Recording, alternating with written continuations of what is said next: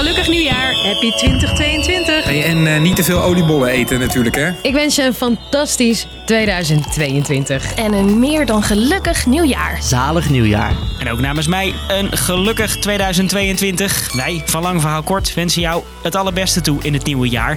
En ja, wat voor jaar gaat het worden? Een glazen bol, die heb ik niet. Maar in plaats van terugblikken op 2021, kijken we in deze aflevering vooruit. We gaan omzien naar elkaar en vooruitkijken naar de toekomst. Ik ben Marco en ik vertel je in sneltreinvaart wat er voor jou verandert in 2022. Lang verhaal kort. Een podcast van NOS op 3 en 3FM. We beginnen in je portemonnee of op je digitale bankrekening. En januari 2022 voelt misschien als een fris nieuw begin, maar we leven nog steeds met corona. Betekent ook thuiswerken. Al kan niet iedereen het. Sommige mensen vinden het heerlijk. Ja, die reistijd die heb ik niet meer. Je baas mag je voortaan een belastingvrije thuiswerkvergoeding geven van maximaal 2 euro per dag. Dat is volgens het Nibud ongeveer wat je thuis kwijt bent aan de verwarming, de koffie en het wc-papier. En over verwarming gesproken, omdat stroom en gas zo duur is, betaal je dit jaar minder energiebelasting. Voor een huishouden met een gemiddeld verbruik scheelt dat 400 euro.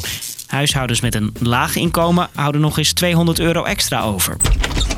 Woon je in een huurhuis? De huur mag max met 3,3% omhoog in 2022. Het was dit jaar 2,4%. In de sociale huur mogen de huren niet omhoog tot juli. En belanden ze bij jou ook altijd in een laadje, de cadeaubonnen kom je er altijd weer achter dat die ene bon van 50 euro van die ene leuke winkel alweer verlopen is. Hoeveel geld staat er nog op jouw uh, cadeaubonnen? 9,50. Uh, 7,50 euro. Nou, vanaf dit jaar moeten bonnen minstens twee jaar geldig zijn. Dat was één. Veel bonnen zijn dat al. Een VVV-bon kan je bijvoorbeeld drie jaar lang inleveren. Ik zou die la dus nog eventjes doorspitten. De plicht roept weer, want ook op gezondheidsgebied verandert er van alles. Als je een kindje krijgt, krijg je vanaf de zomer meer betaald verlof.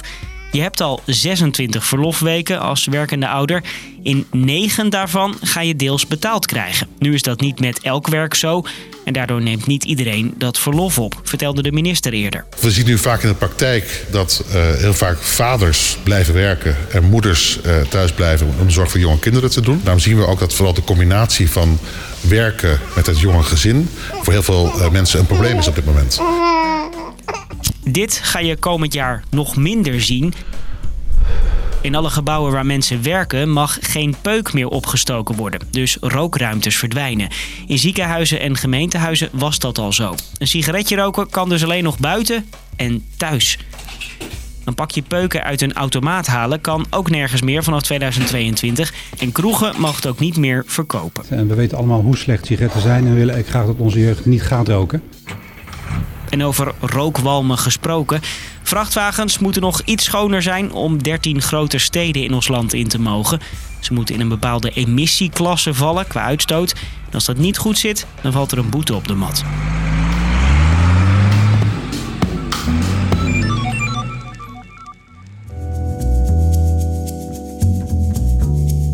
Zo zijn we al door heel wat veranderingen heen, maar ik heb er nog een paar voor je. In de top van beursgenoteerde bedrijven moet minstens één op de drie leden een vrouw zijn. Het gaat dan om de Raad van Commissarissen.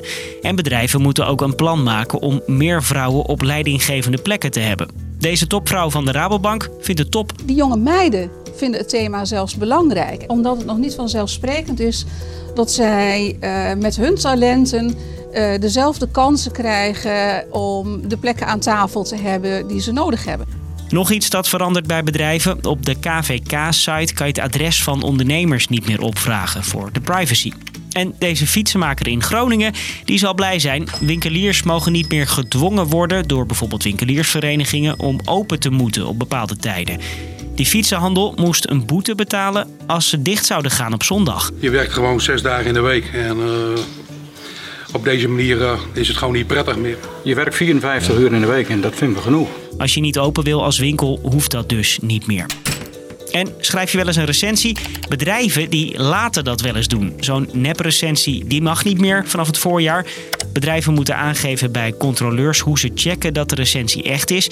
En ze mogen negatieve reviews niet meer verwijderen. Vindt de Consumentenbond goed. En hopelijk helpt het ook omdat bedrijven dan twee keer nadenken, omdat ze een hele hoge boete kunnen krijgen.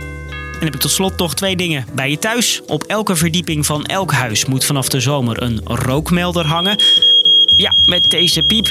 Zo moeten meer mensen doorhebben dat er brand is en er uiteindelijk dus minder slachtoffers vallen.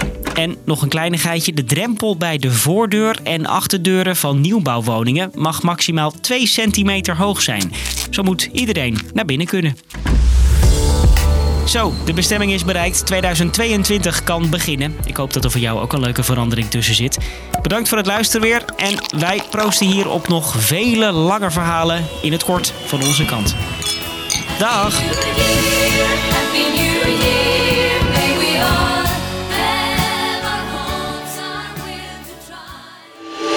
3FM Podcast. De nummer 1 podcast over de muziekindustrie. De Machine. Van de makers van 3 voor 12. De Machine. Dat is de tweewekelijkse podcast die je laat zien dat wat achter de schermen gebeurt minstens zo interessant is als de artiest die uiteindelijk op het podium staat. Je hoort van mij en van Niels alles over festivals, streamingdiensten en briljante nieuwe muziekideeën. De Machine. Check je via de 3FM app of jouw favoriete podcastplatform.